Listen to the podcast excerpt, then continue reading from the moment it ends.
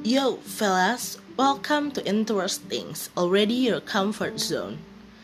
Interestings ini terinspirasi dari bahasa Inggris yang punya arti menarik. Interestings menyediakan obrolan ringan yang relatable bagi kita semua.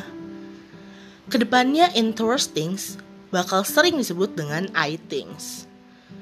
Dan I-Things ini bisa berupa hobi, pengalaman, curhatan, dan masih banyak lagi.